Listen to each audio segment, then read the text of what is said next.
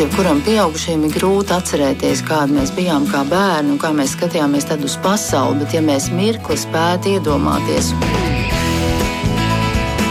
Mēs tiekamies ģimenes studijā.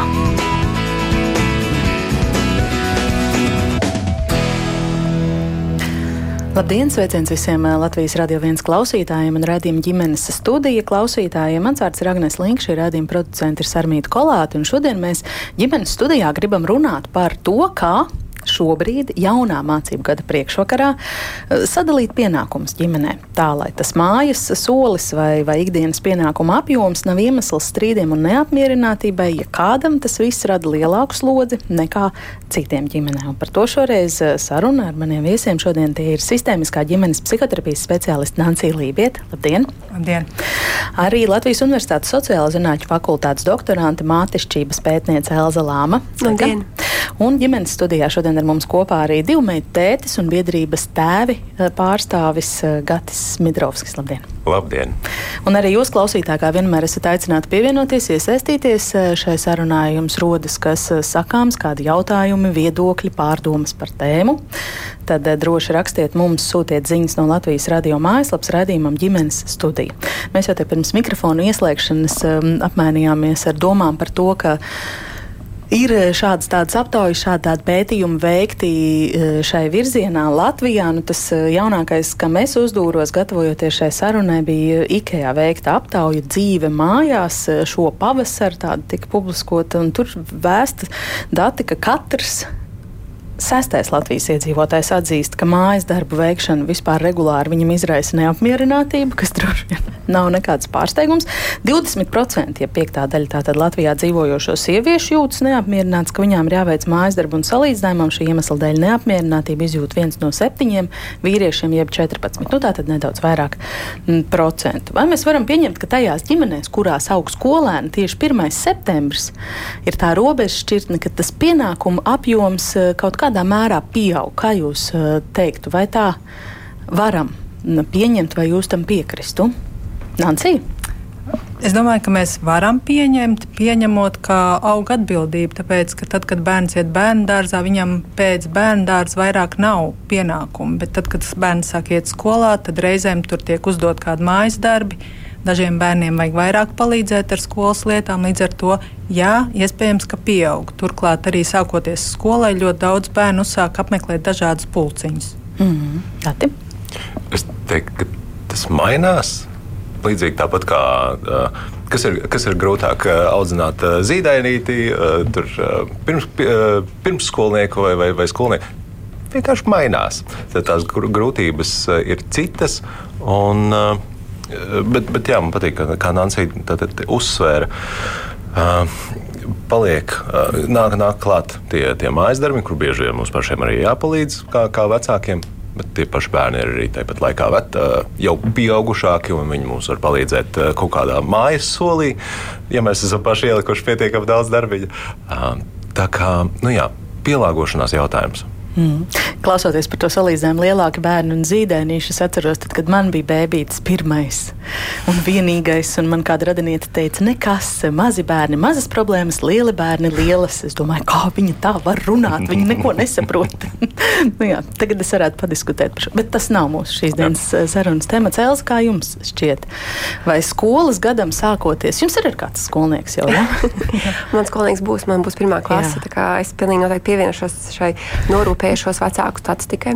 Bet domājot par jautājumu, ieklausījos, ko Gats teica, tieši par, to, par tiem mājas darbiem. Un es domāju, ka tie mirkli, kad ir rudens un sākas tas lielais skrējiens, tad pilnīgi noteikti mēs kā pārvērtējam tās tos pienākumus un atbildības. Un, Mājas darbi, rūpju darbs, ko mēs veicam ģimenē, tā laikam ir tā atslēga. Un, un, Tad arī man ir statistika, varbūt mēs vēlāk par to parunātu, par, par to, kā mēs vispār dalām mājās darbus un cik liels varbūt šis pienākums lokus ir uz sievietēm, cik vairāk uz vīriešiem. Un, un kā jau Gats arī ieminējās, cik ļoti mēs iesaistām arī bērns no paša sākuma un, un arī viņiem dodam kādu atbildību.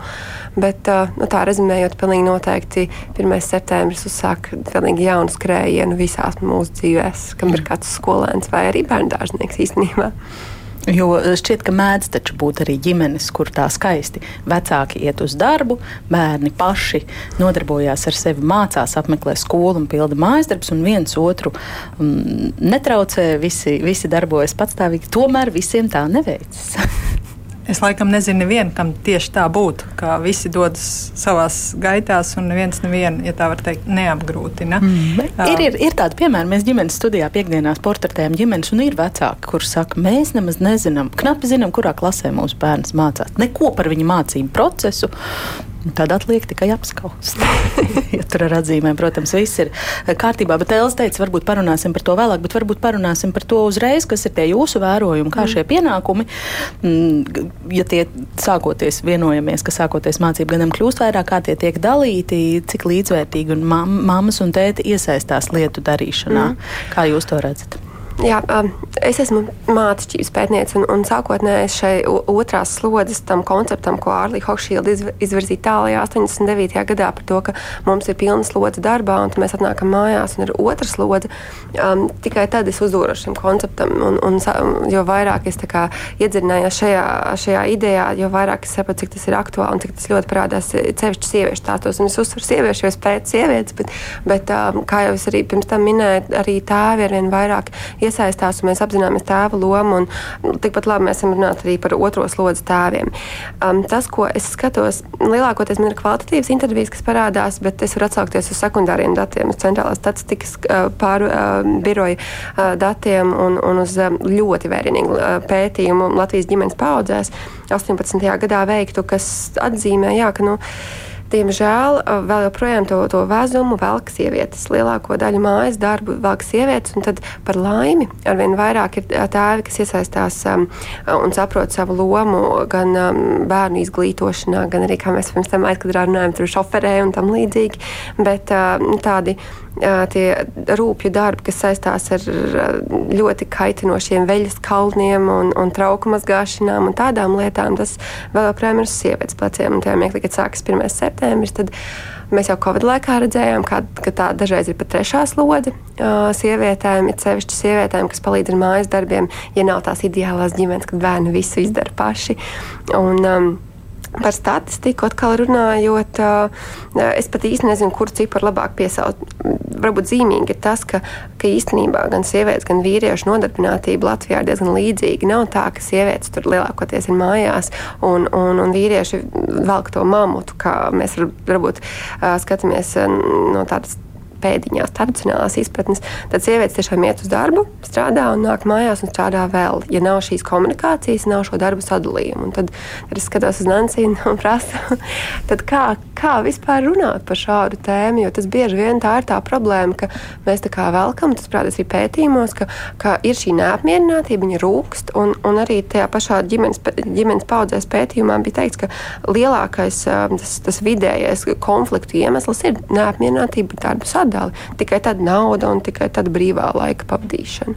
Mm -hmm. Nancija atbildot eh, Elzai mm un arī eh, vienlaikus uz manu iepriekš uzdoto jautājumu mm -hmm. par tiem vērojumiem. Jā, ir? tā arī ir tas vērojums, ka ļoti bieži ģimenēs ir netaisnīguma izjūta par to, kā ir sadalīta darba. Tas tā patiesi ir.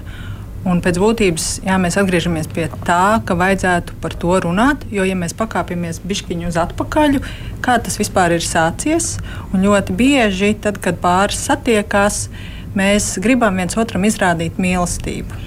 Un tas, ko bieži sievietes dara, izrāda mīlestību caur rūpēm. Un tā dabiskā veidā nu, mēs piemēram sākam dzīvot kopā.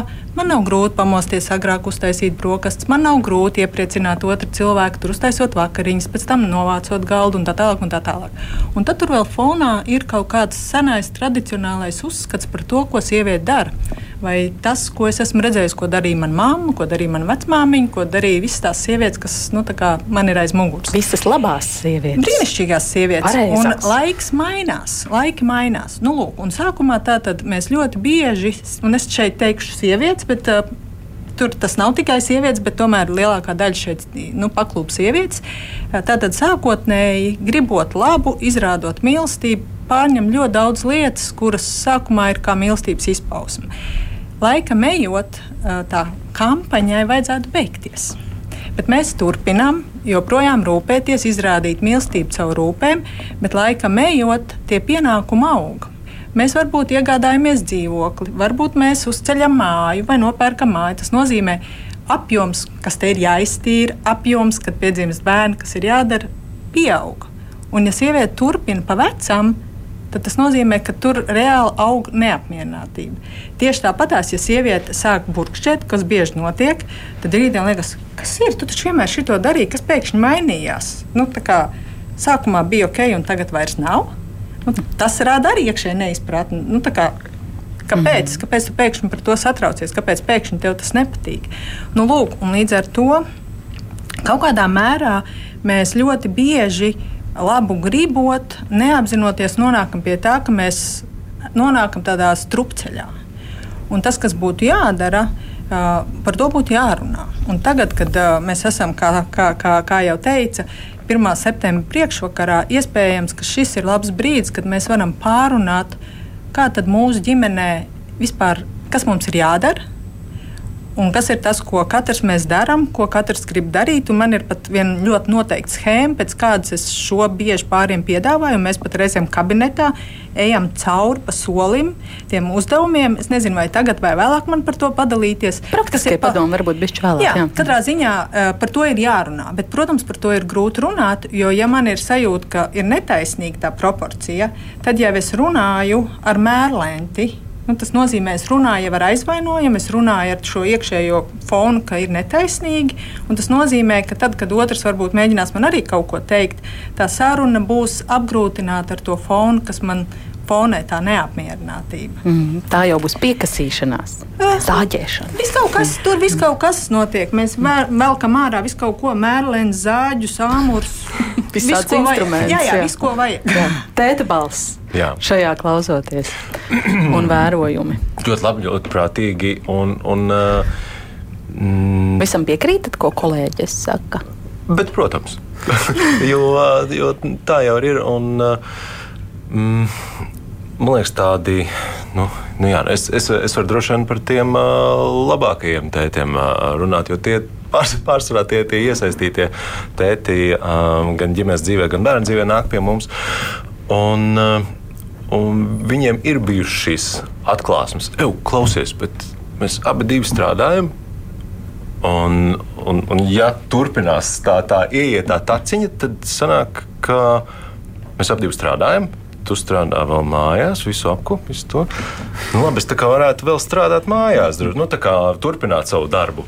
Bet, protams, tā, tā, tā, tas mājas solis ir prasa savu. Protams, jā, mēs iegājāmies māju. Tur, tur, tur vīrietim ir iespēja arī izpausties fiziskajā mājas aprūpē. Kā jau runāt, nopērts māju, tas ir tavs jaunais hobijs un aizmirst par pārējiem. Un, tā komunikācija, protams, ir tas lielais pamats, ka mēs varam atklāti uzticēties vienam otra, viens otram, ka tie nav pārmetumi, ka mēs esam komanda šajā, šajā uh, laivā. Un, hei, vai vienkārši apsēžamies, atrisinām šo. Jo tas viss, oh, nu, komunikācijas ceļā visu var atrisināt. Ņemam plānu, kāds mums ir visu darāmo darbu saraksts, kāda pulciņa un viss pārējais būs tagad bērniem būs. Ņemam kalendāru un sadalām, kurš kurā brīdī to visu saliek es ar nepacietību gaidu, kāda ir Nācijas risinājuma, kad mēs nonāksim līdz praktiskajai lietai. Protams, man kā vīrietim arī uz to praktisko pusi. Nu, nu neizšausim visu sākumā, jā, jā, ja lūdzu, jā, jā, lai paliek arī kāda intriga līdz, līdz Elza. Jā, jo, lai piemestu vēl pagali uh, ugunī, uh, ir viens tas, ka mēs runājam par fiziskiem darbiem, bet uh, liela problemātiska arī ir ar, ar to morālo darbu un, un menedžēšanu, ko nereti mēs arī vispār aizmirstam. Plānošana, menedžēšana, uh, monitorings, uzraudzība, tas viss ir nu, tādas projekta vadības frāzes, kuras īstenībā arī ir dzīvē.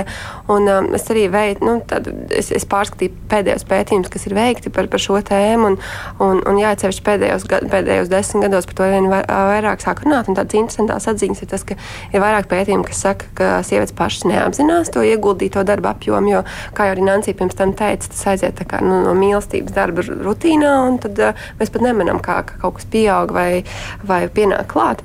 Un otrs ir tas, kas, kas arī man izraisīja pārsteigumu, varbūt ne tik lielu pārsteigumu, tas, ka nereti mēs. Uh, ne tikai neapzināmies, nu, sievietes neapzinās, ko viņas ir ieguldījušas, bet vīrieši iespējams pierod gatavi pārvērt to, uh, to apjomu, ko viņi ir ieguldījuši. Jo viņi uh, vienkārši viņi nezina to, to otru partneru ieguldījumu, līdz ar to viņi nezina arī to mentālo darbu, kas iet uh, menedžēšanā. Nu, kā, kā piemērs, um, piemērs būtu uh, vīrs aizved no, nu, piemēram, tēts vai māma aizved no punkta A līdz punktam B cilvēku, bet uh, bērnu uh, pie ārsta uz vizīti, bet lai sarunātu šo vizīti, lai sagatavotu bērnu, pēc tam vēl uh, izrunātu ar, ar ārstu, varbūt uz vietas, vai pēc tam tas, tas follow-ups, kad, kad tu piezini un noskaidro par analīžu rezultātu, tas arī viss ir darbs, kas tiek veikts, un tas dažreiz vispār kā, netiek aplūkots tajā kopējā darba schēmā. Kā, varbūt tas arī par ko mēs varam vēlāk parunāt, kā arī par šiem mentāliem darbiem bez, bez aizvainojuma un, un arī pašai sev, sap, sievietē saprast, ka kaut kas tāds ir, ir veikts. Andris mums ir atrakstījis, tad sanāk, ka sievietes ir meles, pievilina vīrieti ar labumiem un beigās vēl nemīl. Vīrieši dara to pašu. Viņi sākumā izrāda milzīgu interesi, viņi daudz runā, un pēc tam viņi apklust, tad vairs nerunā. Un sievietes nāk uz uh, konsultācijām, pāri, atvelk vīrus uz pāri terapiju un saka, viņš ar mani vairs nerunā. Hmm. Nu, tas pieder pie iepazīšanās, iemīlēšanās procesa, ka mēs rādām labāko no sevis. Tā nav melošana. Jā, tā tā spalvu uzbužināšana. Bet, teiksim, problēmas partnerattiecībās, ar kurām pie jums vēršas pāri, vai bieži ir tā, ka tas izriet tieši no šīs nevienmērīgās, nu, banāli, bet tiešām mājas soļu slodžu sadales? Jā. Ļoti bieži tas ir viens no bieži ierodās, ka mums nepārtraukti ir konflikti. Mēs visu laiku strīdamies, un mēs nevaram tikt no tiem strīdiem ārā, tur ir visu laiku kaut kāds atkārtojums. Un ļoti bieži tās tēmas, par ko strīdas, ir tas, cik daudz kurš ko dara, kāds ir ieguldījums. Un, un tad mēs ļoti konkrēti runājam par šīm lietām. Mm.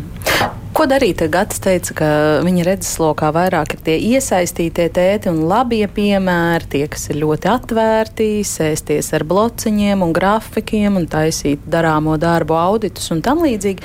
Bet eh, ar, ko darīt ar tiem, kas, kas, kas nav šai frontē, kas nevēlas vai neapzinās to? Mm, otra cilvēka ieguldījumu un to, ka tas nav pašsaprotams un kas nenonāk pie šīs atklāsmes tādā ļoti dabiskā, skaistā veidā. jā, dabiskā, skaistā veidā. Uh, nu, jā, saku, tie, tie, kas, uh, tie, kas nonāk, tie tas labais variants, viņiem patīk taisīt ēst. Viņam patīk tīra virtuve, viņam patīk uh, uh, tīras grīdas, piemēram. Vai arī, nu, protams, tur ir normāli nu, daž, dažādi tādi fiziku mācīt, Kā... piemēram, bērniem palīdzēt. Bet ļoti labs piemērs. Vai arī, vai arī uh, tiešām sēdēt pie tām burtnīcām un, un augām dienām uh, drillēt iekšā to, ko vajag. Nu, jebkurā gadījumā. Uh, ar, ar tiem, kuriem tas nu, viegli neatnāk. Um, ir arī tādi varianti, ir grūtie varianti, kur, kur ir grūti aizklauvēties. Bet uh, nu, man ir palīdzējis ar vairākiem parādīt, ka, mm, nu, uz ko tas noved. Jā, ir viens variants, risinājums ir atnāks pie Nancijas kopā ar, ar sievu. Uh, tikpat labi sieva var arī neuzrunāt tādu Nanciju, vienkārši pateikt, man šī taisa nepatīk, es neesmu gatava dzīvot tādā ģimenes modelī klikts. Mm. Un tad es varu parādīt, kāda ir šķirto tēvu šī statistika, cik daudz laika viņi pavada ar saviem bērniem. Tie ir 13%. Nu, tas standarts, teiksim, ka ir tēvs pavada ar bērnu katras otrās nedēļas brīvdienas. Ja, kopā 13%, laika, 13 no bērnu dzīves. Nu, labi. Ir, ir, ir, ir grūti, protams, ja neviens iepriekš nav tev pastāstījis, ka bērnam ienākot ģimenē, viss mainās. Pilnīgi viss mainās, un jo ilgākas tev ir attiecības, īstenībā, jo vairāk tev laika ir jāiegulda gan attiecībās, gan, gan mājas uzturēšanā, gan bērnos, un vieglāk nepaliek. Tu paliec gudrāks, tu paliec stiprāks, vieglāk nepaliks. Uh, mm, Un liela daļa negrib to pieņemt. Mm -hmm. Gati, vai tas, ko tu saki, nozīmē, ka kaut kādā mērā svarīgi ir izglītojošā daļa nu, no sērijas, jo vairāk mēs stāstām, nu nezinu. ka tas pieder pie. Nu, pie normālas ģimenes, ka abi rūpējas. Tas tieši tāpat kā mēs kaut kādā brīdī sākām runāt par to, ka izbērni ir vardarbība. Un tieši caur to, ka mēs par to runājām, runājām, runājām, cilvēki vairs uh, nesit savus bērnus. Tas nav veids, kā sodīt bērnus. Nu, Pieņemsim, nu, nu, vienalga, no, Latvijā ir ļoti bēdīga statistika. Jā, jā, jā, bet caur to, ka kāds kādam izstāsta, tad, tad mēs vispār nonākam pie tās, tās tā apziņas, ka jā, nu, tiešām labi. Ja mēs par šo nerunājam, tad es to nezinu, un tas paliek ārpusē. Tikai vienīgi mana vērtības sistēma. Nu, lūk, ja mēs arvien vairāk uh, runājam par to, ka ģimenē ir māma un tēvs, un ir vīrišķīgi būt tēvam, kurš iesaistās, vai arī, nu, kas varbūt nav tāds izglītojušais darbs, bet katrs tēvs, kas brauc ar ratiņiem, ir nākamajam topošajam tēvam laba zīme, ka šis ir ok, ka tas nav kaut kā, nu, ka es te nebūšu, piedodiet, mīkstais, tāpēc, ka es braukšu ar ratiņiem, vai tāpēc, ka jā, jā, citplanētietis, vai arī, ka es nebūšu kaut kāds, nezinu, zem sievas tupels, tāpēc, ka es uh, vakarā pabūšu kopā ar bērnu, kamēr sieva aizies nezinu, uz, uz vingrošanu pēc dzemdību periodā, piemēram. Mm -hmm. Līdz ar to tas varētu būt par to, ka nu, jo vairāk mēs par to runājam, jo vairāk tas varētu izplesties tas, un palikt kā norma? Tas ir mans novērojums. Tiešām. Uh, es nezinu, arī nu, uh, es esmu teicis tikai un vienīgi piecus gadus. Un, uh, tas mans novērojums ir ar katru gadu arvien vairāk veču ar uh, ratiņiem, tagad arī ar ķēnguru somām un, un slingiem. Šodien bija tirzniecības centrā. Um, no paša, paša rīta tirdzniecības centrs tikko atvērties. Uh, trīs, redzēju, nu, tur pusstundas laikā trīs tēvus, kuriem katram ir divi bērni, kaut kas ir uz pleciem, kādam vēl ratos, un, un viņi nav ar tādu nosodījumu sejā acīs. Ne, viņi ar prieku to dara. Un, un, un tas mans novērojums ir tiešām tas, ka mums ir labi. Arvien vairāk labi piemēri. Un, uh, es esmu diezgan daudz dzirdējis arī no vīriešiem tādu uh, nu, tādu mulsumu vai, vai, vai, vai, vai nedaudz vilšanos, tad, kad viņi iepriekš ir prasījuši uh, kādam, nu, nezinu, kolēģim, kuram tur jau ir bērni. A, kā tas ir? Nu, kā, kā tas ir, ka ot, tagad būs bērni? Kā, kā ir būt tētim? Ai, tu redzēsi. Un, nu, tas ir tas padoms. Ai, tu redzēsi. Tu, viss, viss jau būs kārtībā. Tiks galā. Nu, labi, nu, redzēšu, redzēšu. Neviens nu, īsti nepastāsta, ko tas, ko tas nozīmē. Tev nepasaka, ka vieglāk nepaliks, ka tev būs jāmācās, un tev būs jādara arvien vairāk, un, un, un būs jāiemācās plānot laiks vairāk, gan sev, gan ģimenei. Um, tā kā jā, tas, tas labais piemērs man liekas ārkārtīgi palīdz. Arī publiskajā telpā mēs arvien vairāk redzam tos tēvus, kuriem puf, atverās acis un viņi redz, uh, oh, bācis, sieva izrādās tik daudz dara. Wow! Un jāliec iekšā. Vienīgais krēņš, ka labais piemērs nav kritiskā masa, vai ne?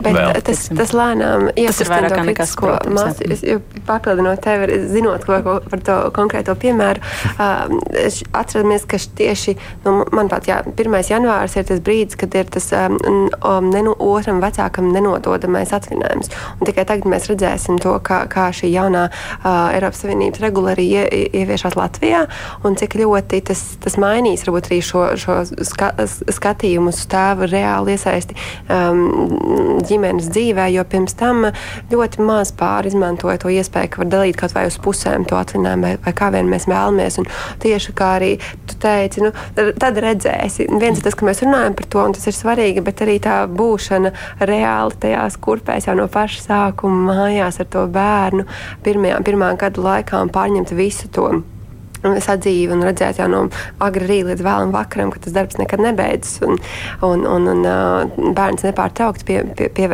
pieprasa uzmanību. Tikai tagad mēs redzēsim, kā, kā tēviem ir veicies.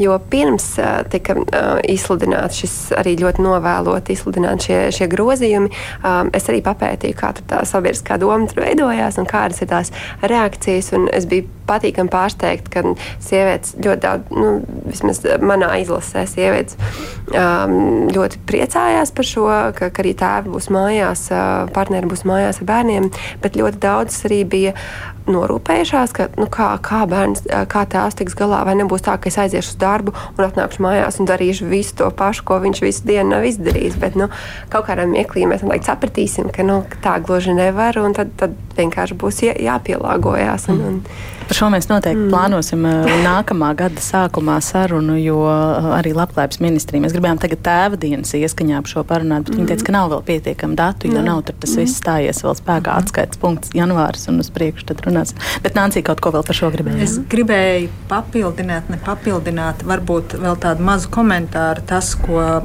kas tikko izskanēja, nu, ka mātēm reizēm ir bažas, vai sievietēm ir bažas, kas notiks, ka viņas atnāks mājās. Un tas, ko es esmu novērojis, reizēm uh, sievietes izdara lāču pakalpojumu paši sev uh, tādējādi, ka tad, kad tas jau ir no paša, paša sākuma, tad, kad mazais bērniņš ierodas ģimenē. Sievietes ļoti bieži kritizē savus vīriešus, kā viņi kaut ko dara. Kā tu viņu tur nedari, šitā dari tā. Un tādā veidā viņas atņem vīrietim to drosmi vai vēlmi iemācīties. Nu, neviens nepiedzimst. Kā, kā tu teici, tu esi piecus gadus tēvs. Nu, mm -hmm. Piecus gadus. Esi tieši piecus gadus vecs tēvs, ja tev ir pieci, nu, piecgadīgs bērns, piemēram. Nu, lūk, man liekas, ka tas ir ārkārtīgi būtiski, ka tajā brīdī, kad nu, tēva paliek mājās, vienalga Viņš izdarīs varbūt ne tā, kā es to daru. Viņš izdarīs varbūt nu, tālu no tā, kā es gribētu. Nevērtēt, nedot to vērtējumu, neizteikt tās piezīmes, lai ir kā ir, ir pietiekami labi. Jā, pietiekami labi un pie tā arī palikt.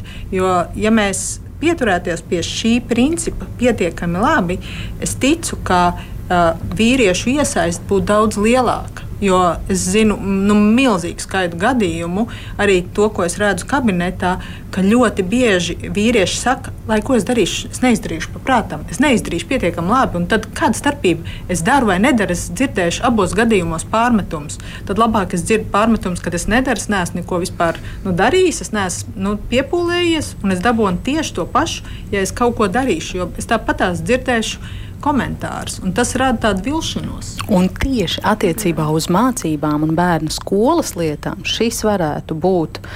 Um, dubultā svarīgi daļai māmu, nu, ka es taču zinu, kādu atzīmi mums tur vajag sasniegt tai priekšmetā, vai cik glīti ir jābūt izpildītam tam mājas darbam. Jā, es gatavoties radījumam arī tieši izlasīju tādu tēzi, ka pienākumu sadala ir divu cilvēku jautājums un situācijā, kurā viens uzņems par daudz, bet otrs par maz, ka to situāciju veido abi.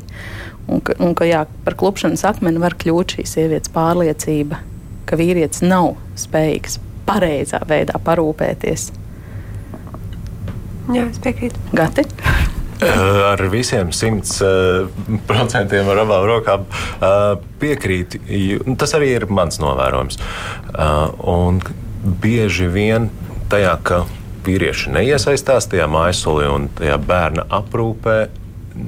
Nu, tā pagala viena nedēļa. Bieži vien ir arī tas, ka jā, sievietes nu, neļauj tos vīriešus uh, iekšā tajā mājasolī. Viņas bieži vien uh, šo brīnišķīgo lomu patur tikai sev. Uh, un, ja jau mēs esam iepriekšējās paudzēs redzējuši, ka tas tā strādā, mēs, mēs paliekam pie tradicionāla, nu, nu labi. Vīrietis jau ir redzējis tikai to, kā ir viņa bijis viņa mājās. Mm. Uh, un, nu, lai jau tā arī paliek, tad viņš arī neiesaistīsies tur.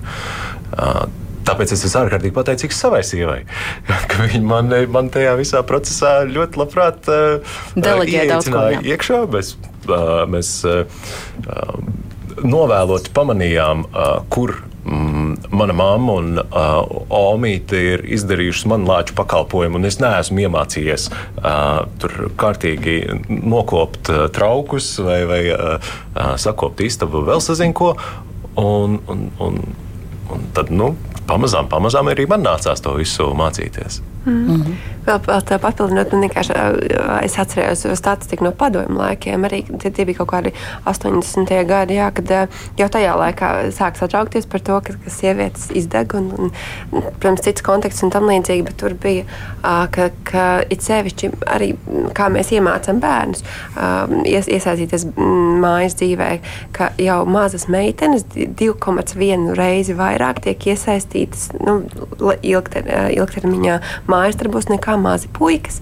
Un, protams, mūsdienās es domāju, ka, ka tie cipari nebūtu tik bēdīgi, bet tā, tā iepriekšējā arī mūsu paudze un, un iepriekšējā paudze vēl ir nu, savā ziņā, nu, mēs mainamies. Nu, mēs vienkārši te ir pašiem jārod tas, tas klikšķis, ka mēs tagad apzināti uh, pieņemam lēmumu mainīt kaut ko, kaut ko, ko esmu noskatījies. Mm. Bet, Elza, jūs piekritīsiet tam, kas te izskanēja, nu, ka mammas pašas ir vainojamas par to, ka viņas kultivē šo vīriešu nevarību vai neiesaistīšanos. Nu, tur jau ir ļoti grūti izsvērt, kurā brīdī viņš negrib vai kurā brīdī es viņam neļauju.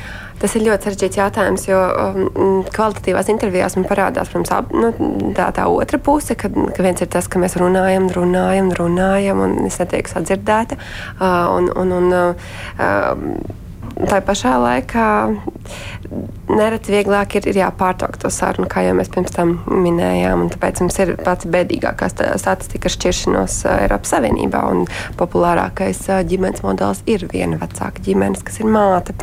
Bet tā pašā laikā. Es pat nezinu, tas ir ļoti sarežģīts jautājums. Un, tā, tā nevarība, tas, tas īstenībā ir tāds vispār sabiedrības tād, tāds lielāks diskurss, kur skatīties. Jo es pētu mātešķību un šo intensīvo mātešķību, un mēs joprojām ļoti skrupulozi skatāmies, kā sievietes audzina bērnus, un lielā mērā tomēr liekam to, to gala rezultātu, izaudzināto bērnu uz sievietes pleciem, cik labi ir izaudzināts vai nav. Un, un es pieļauju, ka ilgtermiņā tas mainīsies, bet ja sieviete, sabiedrība redz sievieti kā to lielo, to galveno aprūpētāju, un šis galvenais aprūpētājs nav labi izdarījis savu darbu, tad sieviete arī ir bail, ka, nu, ka viņi jau pārmetīs. To mēs redzam nereti arī ārsta kabinetos. Ka, kad sievietē tiek pārmests, ka, ka varbūt ka viņa nav izdarījusi visu kā pareizi, bet vīrietim nereti ir atlaide. Tas ir ļoti sarežģīts jautājums, un ir grūti tādu vienu konkrētu atbildi sniegt. Droši vien atsevišķs pētniecības mm. virziens. Jā, Nācija vēl ir kas par šo bilstams. Es klausījos un es atcerējos, mēs vienreiz ar vienu pāri runājām tieši par uh, ikdienišķiem darbiem, kas, kas rada daudz konflikts. Un, uh, tur izskanēja tā vīrieša izjūta, bet tu taču esi māte. Nu, tev taču ir viss tas lielais, at, lielais atbildības sloks uz tevi, tāpēc ka tu taču esi māte. Un tas tiešām nozīmē, nu, ka tā, tas senais uzskats, kur sievietes bija tās, kuras vairāk rūpējās par bērniem, par visām tām lietām, viņš tiešām ir ļoti spēcīgs. Un iespējams, ka tas atkal mēs atgriežamies pie tā, ka mums ir jāizglīto, jāstāsta, jārunā, jāiesaista. Man ļoti patika, ka šeit uh, jau sadzirdēju iesaistīšana, deleģēšana, jo tas var būt tāds lingvistisks jautājums, bet es tomēr gribētu nu, vērst uzmanību uz to, ka Tad, kad mēs runājam par ģimeni un par tiem uzdevumiem, kas mums tur katram ir jādara, uh, reizēm izskan, viņš man nepalīdz. Pak, pak, pak, pak kā nepalīdz. Tas nav par palīdzēšanu. Tad, kad es saku, ka man kāds nepalīdz, tas nozīmē, ka tā ir mana atbildība un es gribu, lai man kāds palīdz manā atbildībā. Tad, kad mēs runājam par ģimeni, par ģimenes pienākumiem, par visu to, kas mums tur ir jādara, tas nav par palīdzēšanu. Tas ir par piedalīšanos, par iesaisti, bet ne par palīdzēšanu. Un tāpēc ik viens, kas te tagad klausās, es tiešām aicinātu uh, izmantot pareizos vārdus. Nevis man vajag, lai tu man palīdzi, vai tu lūdzu varētu man palīdzēt. Man ir svarīgi, lai tu iesaisties, vai tu lūdzu varētu iesaistīties, vai tu lūdzu varētu piedalīties. Nevis mm. palīdzēt. Tas nav sievietes vai vīriešu vienīgā uzdevums. Tas ir abu uzdevums. Es atgādināšu, ka ģimenes studijā mēs šodien jaunā mācību gada priekšvakarā sarunājamies par to, kā veikt pienākumu un slodžu sadalī uz tiem darbiem, kas attiecas uz mājām un ģimeni, tā lai kāds nejustos eh, vairāk eh, pārslogots un vairāk nostrādājies. Un, uh, sarunas dalībnieki šeit šodien ir sistēmiskā ģimenes psihoterapijas speciāliste Nancija Lībieta, arī Latvijas Universitātes sociāla zinātņu fakultātes doktoranta mācības pētniece Elza Lāma un biedrības tēva pārstāvis Gatis Midrovskis. Gatis jau man šķiet, pieminēja vēl vienu tādu aspektu, kam es gribētu nedaudz pievērsties, cik lielā mērā tā, tas, ko mēs esam novērojuši par šo pienākumu sadali un tādām tradicionālajām vai netik tradicionālajām sievietes un vīriešu mammas un tēta lomām, mm, cik cik lielā mērā nozīme ir tam, ko mēs esam pieredzējuši paši uzaugot. Nu, piemēram, vai nav tā, ka vīrietim, kas ir redzējis tikai, ka māma dara visu, kas saistās ar mām, mājām un bērniem un praktiskajām rūpēm un mājas soli, un tad viņam būs grūtāk pašam gribēt būt tādam tētim vai, vīriem, vai vīram, kas iesaistās šajos procesos, vai, piemēram, sievietei, kas ir redzējis, ka tētis dara visu 50 uz 50 ar māmu, viņai būs grūti pieņemt tādu partneri, kurš uzskata, ka, nu, Tev man jāčubina ar visu mūžu, arī tad, kad rozā brīļa periods ir beidzies. Un te arī nu, atceramies, ka mēs tomēr um, atnākam no diviem dažādiem ģimenes modeļiem un izveidojam to savējo. Nu, varbūt līdzīgi, bet varbūt arī ļoti atšķirīgi, kā es mēģināju raksturot. Jā, jā, jā. tur jau teikt, ka viņi ļoti iespējams ir mm. ļoti atšķirīgi. Katrs ir redzējis savu dzimuma lomu, pieņemsim, uzaugot dažādos modeļos. Nu, labākais jau brīdis ir pirms bērna ienākšanas mm. šajā pasaulē par to visu izrunāt. Un, ja es pareizi atceros, mums ar sievu tiešām tādas bija. Varbūt grūtniecības laikā šī, šāda mm. veida sarunas. Nu, kā tad būs? Kā, ko mēs esam redzējuši savā ģimenē, kā, kādi ir bijuši tie pieņēmumi. Un, nu, jā, man ir. um, no, no, mm, no bērnu audzināšanas viedokļa mēs jau zinām, kas ir uh, labākā audzināšanas metode.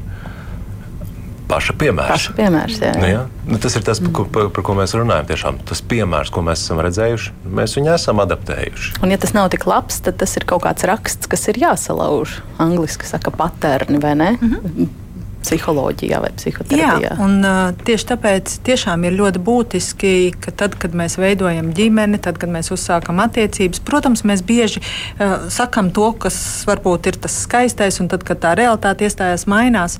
Bet tomēr ir būtiski, ka mēs abi esam diezgan daudz informēti par katra pieņēmumiem, kas ir tas, ko tu gaidi no sievietes, kas ir tas, ko tu gaidi no vīrieša, kas ir tas, kā tu redzi, kā vajadzētu būt, kas ir tavas cerības, kā būs. Eh, pat ja tas pēc tam, kad nu, notiks tā īstenības izteiksme, kad būs tā īstenība jau būs nedaudz atšķirīga, bet tomēr caur tādām sarunām mēs tomēr varam nedaudz saprast, nu, kā tas otrs tās lietas redz.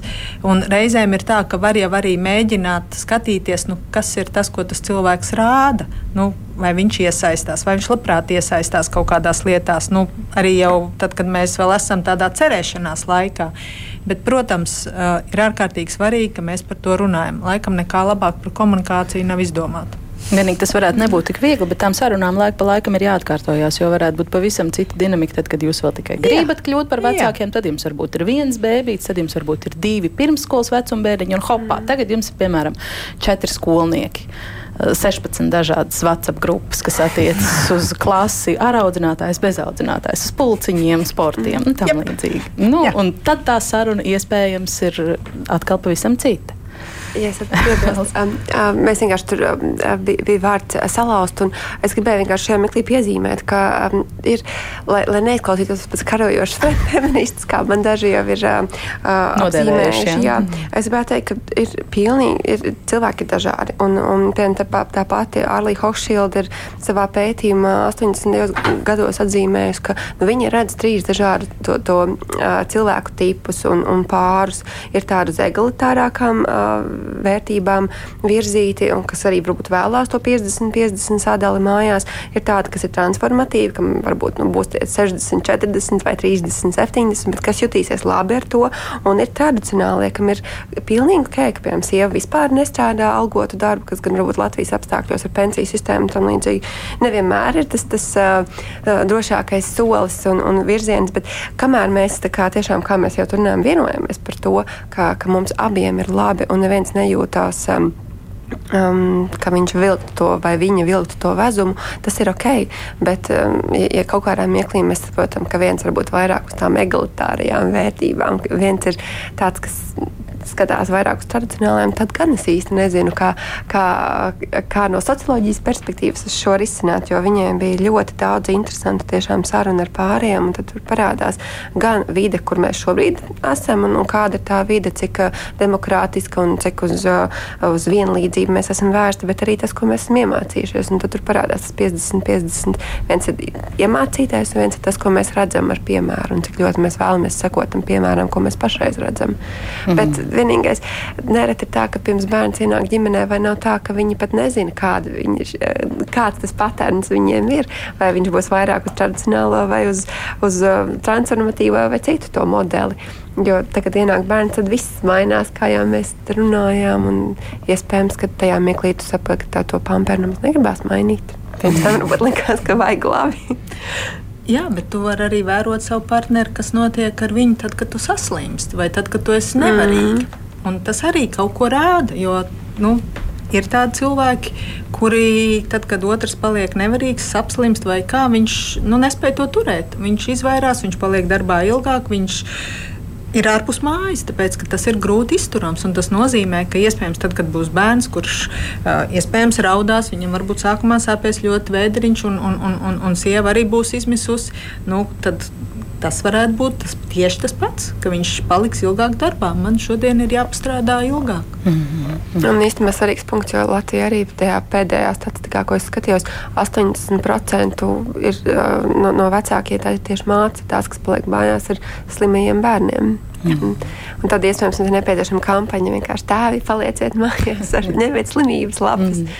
Pavisam īsi vēl, un tad ķersimies pie tā galvenā, mm. pie tā darba audita un pie tiem praktiskiem padomiem. Vai vienošanās par nevienlīdzīgu mājas eh, pienākumu, bērnu aprūpes eh, pienākumu sadalījumu ir ok? Ja mamma un tēvs ir vienojušies, es tikai pelnu, es tikai gādāju par mājām. Ja tas abiem der, tad tas der. Tas ir tieši tāpat kā ar seksuālām attiecībām. Ja tas mums der abiem, tas mums der. Ja tas der tikai vienam, tas neder mums abiem. Un mhm. šeit ir tieši tas pats. Ja mēs vienojamies par it kā nevienlīdzīgu sadalījumu, bet abi jūtas ar to mierā, un neviens nejūtas, ka tas, netais, nu, ka tas ir netaisnīgi, viss kārtībā. Bērns no tā netiks apdalīts kaut kādā mērā. Viņš redzēs, ka māma dara tikai mājas darbus, tēvs tikai strādā Bet, ja viņi pēc tam, ja bērns piedzīvo, ka tēvs atnāk laimīgs mājā un māma laimīgi sagaida tēti, Ja Līva mums raksta, mūsu mājās viss ir sadalīts skaidri. Es tīru māju, man patīk viss tieši tā, kā man vajag. Es esmu tīrījis jau no pirmās dienas, kopš esam kopā arī tagad, kad mums ir bērni. Nevaru vīram prasīt, lai tīru un pēc tam bubināt, ka nav gana labi. Tāpat mazgāja veļu logu drēbes tikai es. Toties vīrs vienmēr pasaka paldies par tīru māju drēbēm. Mm. Man savukārt nepatīk liet degvielu mašīnai vai to tīrīt. Labprāt to dara viņš. Protams, gan viens, gan otrs var darīt visas lietas, bet kāpēc? Ja otram tas sanāk daudz labāk un nesagādā nepatīk. Manuprāt, katram vajag savu lauciņu, kurā darboties un pāriem vienoties, tad nav tas aizvainojums. Tu vienmēr visu vai tu nekad. Un Zelda, starp citu, mums raksta arī uz Zeldas iepriekš teikto atsaucoties, nocitēšu, ka viņai liekas, ka laimīgi vīrieši ilgtermiņā ir feministi.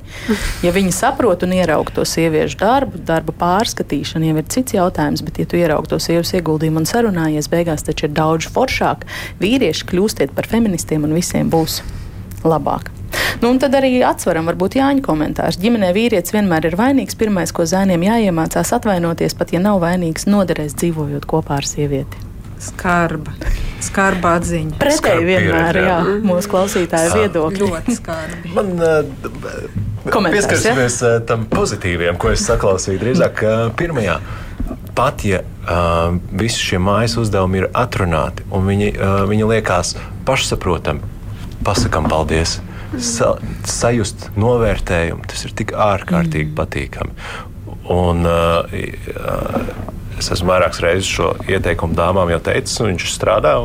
es vēlreiz viņai pateikšu, ja jūs vēlaties kaut ko uh, redzēt uh, savā, uh, savā vīrā, kungā, uh, partnerī, uh, ka viņš kaut ko papildus vairāk dara, ja viņš to vienreiz izdara uzslavējiet viņu. es baidījos, ka teiks manifestējiet. Manifestēt mēs arī varam iemācīties, bet nē, uzslavējiet. Un, un lieciet viņam justies labi par to, ko viņš ir izdarījis. Nevis, to vajadzēja citādāk izdarīt. Nu, nu, bet, ja vajadzēja citādāk salocīt, paklusē. es, nu, es izteikšos šoreiz skaru šo pie sevis paturi, un mm. pēc kaut kādas 20 reizes, jā, varēs viņu pabīdīt. Galvenais, lai, lai, lai, lai sāk darīt, un lai viņš jūtās labi par to, ka viņš izdarīs labi, patīkam, tev, tev ir iepriecinājis ar to savu darbu. Tas strādā. Attiecīgi, man sieva ļoti, ļoti gudra sieviete, un šādā veidā viņa man ir izaudzinājusi. Tas, kas pēc tam sapratu. Kolosāli. Saldēs ēdiens mājas darbu, uh, ģimenes pienākumu inventarizāciju vai vēl kādu praktisku padomu vai triki, kā to var nosaukt, lai tiešām šim jaunajam mācību gadam sākoties mēs izlīdzsvarotu pienākumu apjomu starp māmu un tēti, ja tas vēl mūsu ģimenē nedarbojas. Nancy. Mm -hmm. Tātad tas uh, rosinājums būtu, uh, ka pāris to var darīt kopā, var darīt atsevišķi, bet beig beigās vajadzētu tos sarakstus salikt kopā. Tātad mēs sastādām sarakstu, kas ir tās lietas, kas mums ir jādara. Sākot ar to, Mā, viss, kas ir ap māju, tīra māja, logi, grīdas, iepirkšanās saistībā ar jā, viss, viss, viss, viss. bērni, bērnu apģērbs, mazgāšana, gludināšana, locīšana, pirkšana, pulciņi Viss, viss, viss, kas varētu būt mašīna, apdrošināšana, benzīns, viss. Saliek, sataisam sarakstu. Pēc tam nākamais solis, ko mēs varam šajā sarakstā darīt, atzīmēt, kuri no šiem darbiem man rada prieku un man patīk. Iespējams, ka man patīk gludināt, iespējams, ka man patīk eh, vest mašīnu mazgāt, jo man tas ir svarīgi. Nu, piemēram, katrs atzīmē to, kas eh, viņam šajā sarakstā uh, no darbiem ir patīkami. Pēc tam atzīmējam, kurus darbus no šīs saraksta es ļoti, ļoti negribētu, kas man nu riebjās. Nu, tiešām brrr, šausmīgi, šausmīgi nepatīk.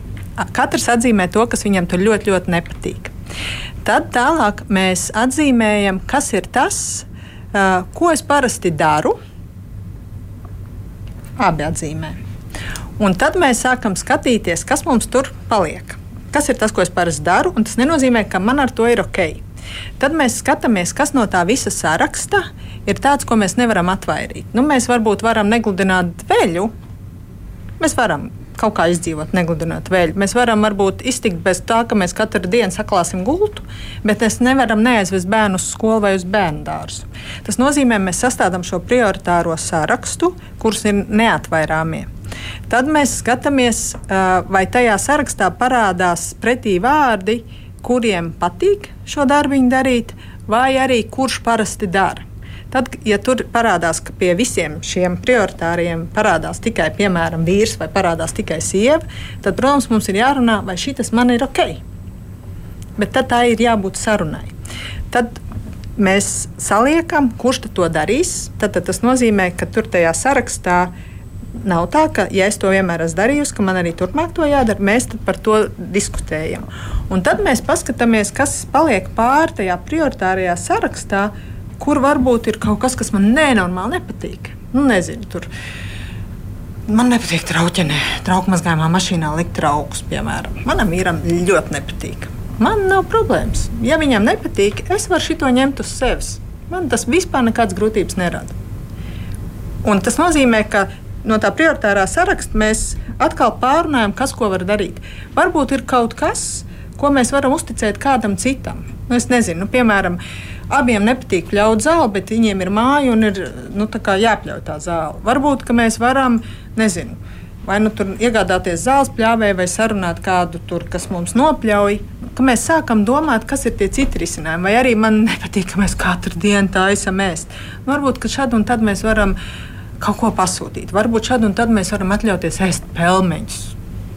Nu, Kaut kā, ja? Iestarpinājums. Jā. Varbūt es uzskatu, ka man tā tava tīrā mašīna un tā mašīnas spodināšana, ka tas nemaz nav nekāds darbs, kas Jā, bet tas nebūs prioritārajā. Jā, bet tas nebūs prioritārajā sarakstā. Tātad sākumā mēs izējām cauri. varbūt būs. Jā, bet uh, tas no tā, ka mašīna nebūs izmazgāta, nomazgāta, uh, pasaule neapstāsies. Bet ja mēs neaizdīsim bērnu uz bērnu dārzu vai uz skolu, vai nesarūpēsim bērnam drēbes, ko vilkt, tas gan radīs grūtības. Tas nozīmē, mēs ejam cauri sākumā tam prioritārajam sarakstam, un pēc tam ejam cauri tam pārējiem sarakstam. Bet tas, kam beigās būtu jābūt, paliek pāri nu, saraksts, kurā mēs esam atraduši, kas mums katram patīk, ka mēs esam pārdalījuši, pārunājuši, vai tas, kas tur ir, mums apmierina, un kuras lietas mums varbūt vajadzētu mainīt. Reizēm pāriem ir ārkārtīgi grūti vienoties. Abiem, abiem nepatīk tas un tas, un, un, un, un tas, ka man tur tās drēbes jāmazgā un, un, un, un tā ēšana. Un tad tas, ko var uh, darīt, var vienoties par to, ka mums būs slīdošais grafiks. Vienu nedēļu Tu esi atbildīgs, piemēram, par bērnu vadīšanu, un nākamajā es. Un tas nozīmē, ja mums ir šis atrunāts, Tas ir godīgi. Tur viena nedēļa, vienam, otra nedēļa otram. Ja es nevaru, tad es sarunāju ar to cilvēku, nu, ar savu partneri, mm. kad, nu, vai tu varētu. Un, nu, manā laikā. Un tad es pēc tam atstrādāju. Var sakot, tas nozīmē, ka mēs atrunājam ļoti skaidrs robežas, kā šīs lietas tiks darītas, un tas samazina konflikts. Jo, ja mums ir vienošanās, ka šī ir mana nedēļa, tas nozīmē, ka mums vairs par to nav jādiskutē. Šī ir mana nedēļa, un es mazgāju drēbes, es viņas izgludinu, vai nu arī negludinu, ielieku skapī. Bet, protams, ir svarīgi, ka mēs vienojamies, nu, ka tie darbi tiek izdarīti. Nu, veids, kā katrs dara, tas ir ok. Lai kā kurš izdarītu, no sērijas izmantojam iespēju paklusēt, tad, kad mums ir viedoklis. Bet uh, tiem darbiem ir jābūt izdarītiem. Nu, nav tā, ka no sērijas manā nedēļā man nepatīk mazgāt drēbes, un tad es atstāju, un tad nākamā nedēļā, kad sākās tur vīra, dubultskāns. Jā, jā, tad tur ir. Ārpats. Nē, nē, mēs nu, smuki nododam tīru maiņu. Jā. Viens pavisam īsts jautājums jums jau jābeidz no manas puses. Vai abu dzimumu cilvēki vienlīdz labprāt jūsu kabinetā nācija ar to nodarbojas? Ar šo uh, grafiku sastādīšanu. Vai jūs tikai iedodat viņiem tā kā nē, nē, nē. virzienu? Tad, nu? To sarakstus Tos abi divi labprāt sastāda. Un tur varbūt ir grūtāk vienoties, kurš ko dara un, un tā, jo tur ļoti bieži ir tā, ka viens ir prasīgāks pret to, kādā veidā tam darbam jābūt izpildītam. Bet tas, ko es redzu, ļoti labi strādā šis slīdošais grafiks nu, pa mm. nedēļām. Tāpēc tā ir iespēja sievietei piedzīvot, ka viņa var labāk plānot savu laiku, un vīrietim piedzīvot, ka nu, jā, viņam vairs neviens nevar pateikt, ka tu neko nedari. Mm. Tas ir ļoti labs veids, un, un, un ļoti bieži pāri uh, iedarbina. Nu, mēs parasti to palaidām kā tādu eksperimentu no sērijas, nu, eksperimentālā kārtā pamēģinām, un tad skatāmies, kā tas strādā. Un ļoti bieži nāk un paiet jau kaut kāds laiks, un saka, wow, šis ir atrisinājis tik daudz jautājumus. Nu, tur, Baigi forši. Mm. Kā nu kuram? Dažam varbūt ne tik ērti vairs dzīvot.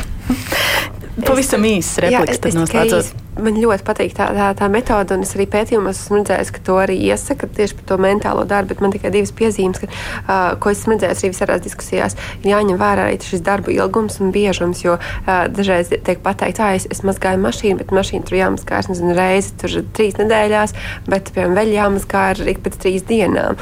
Un otrs ir tas, ka arī tas mentālais darbs ir jāierēķina iekšā. Jā, mm. protams, tad, kad uh, sarakstā parādās bērnu ballīte, zem bērnu ballītes ir apakšu uzdevumi kur, kad. Cik daudz Jā. visas organizēšana, mm. protams, ka tas ir. Un, nu, tas tur apakšā ir kaut kāds ieguldījums, mm. bet atkal tā jau ir saruna. Un vienam varbūt tas būs wow, man patīk plānot, man patīk tur izdomāt visu, katru nieciņu. Un otrs, oh, cik labi, ka šis nav man. Gati? Mm. Ja ir kāds teikums vēl. Rezumējot. Cik ilgu laiku aizņem parasti šie, šīs saraksta nu, kā, izveidošana un vienošanās? Vai tas nav šausmīgi garš process, kas aizņems nedēļām ilgi?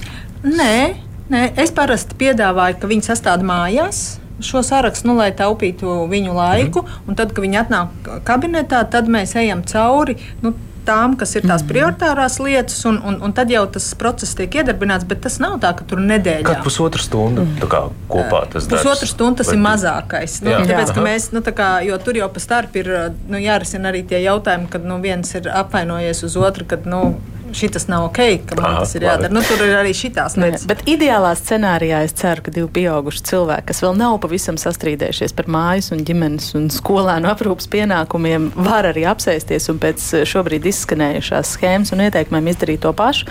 Ja jums tas izdodas, forši mēģiniet, un eh, māmām ieteikums no manas puses - pievienojiet tētus vairāk tām WhatsApp grupiņām, sūtiet tagad septembrī daudz būs skolēnu sapulces pirmās, eh, lai viņi redz dzīvi arī tur, ja nav to baudījuši līdz šim. Paldies par sarunu ģimenes studijā. Šodien saku sistēmiskās ģimenes psihoterapijas speciālistē Nancijai Lībietē, arī Latvijas Universitātes sociāla zinātņu fakultātes doktorantē mākslības pētniecei Elzai Lāmai un biedrības tēva pārstāvam Gatim Smidrovskim. Un redzījumu šodien veidoja Sarmīta Kolāta, pie skaņa pults bija Kristaps Ruņas, pie mikrofona Agnes Linka. Rīt ģimenes studijā būs ļoti, ļoti īpaša pārraide. Mēs pievienosimies ģimenes studija klātienē zinību dienas, ja 1. septembra svinībām Drabešu pamatskolā. Ģimenes studija tātad tur būs tiešraidē, un tad mēs izzināsim, kā šai mazajai skoliņai izdodas konkurēt ar citām eh, ļoti labām izglītības iestādēm bagātajā cēsu pusē, pastāvēt par sevi un noturēt tādas elitāras skolas statusu, kāds eh, tai bijis iecerēts dibinošo skolu 2017. gadā. Paldies, ka klausījāties rādījumu šodien. Tiekamies arī ģimenes studijas podkāstu epizodēs mobilajā lietotnē un sekojiet mums sociālos tīklos uz sadzirdēšanos.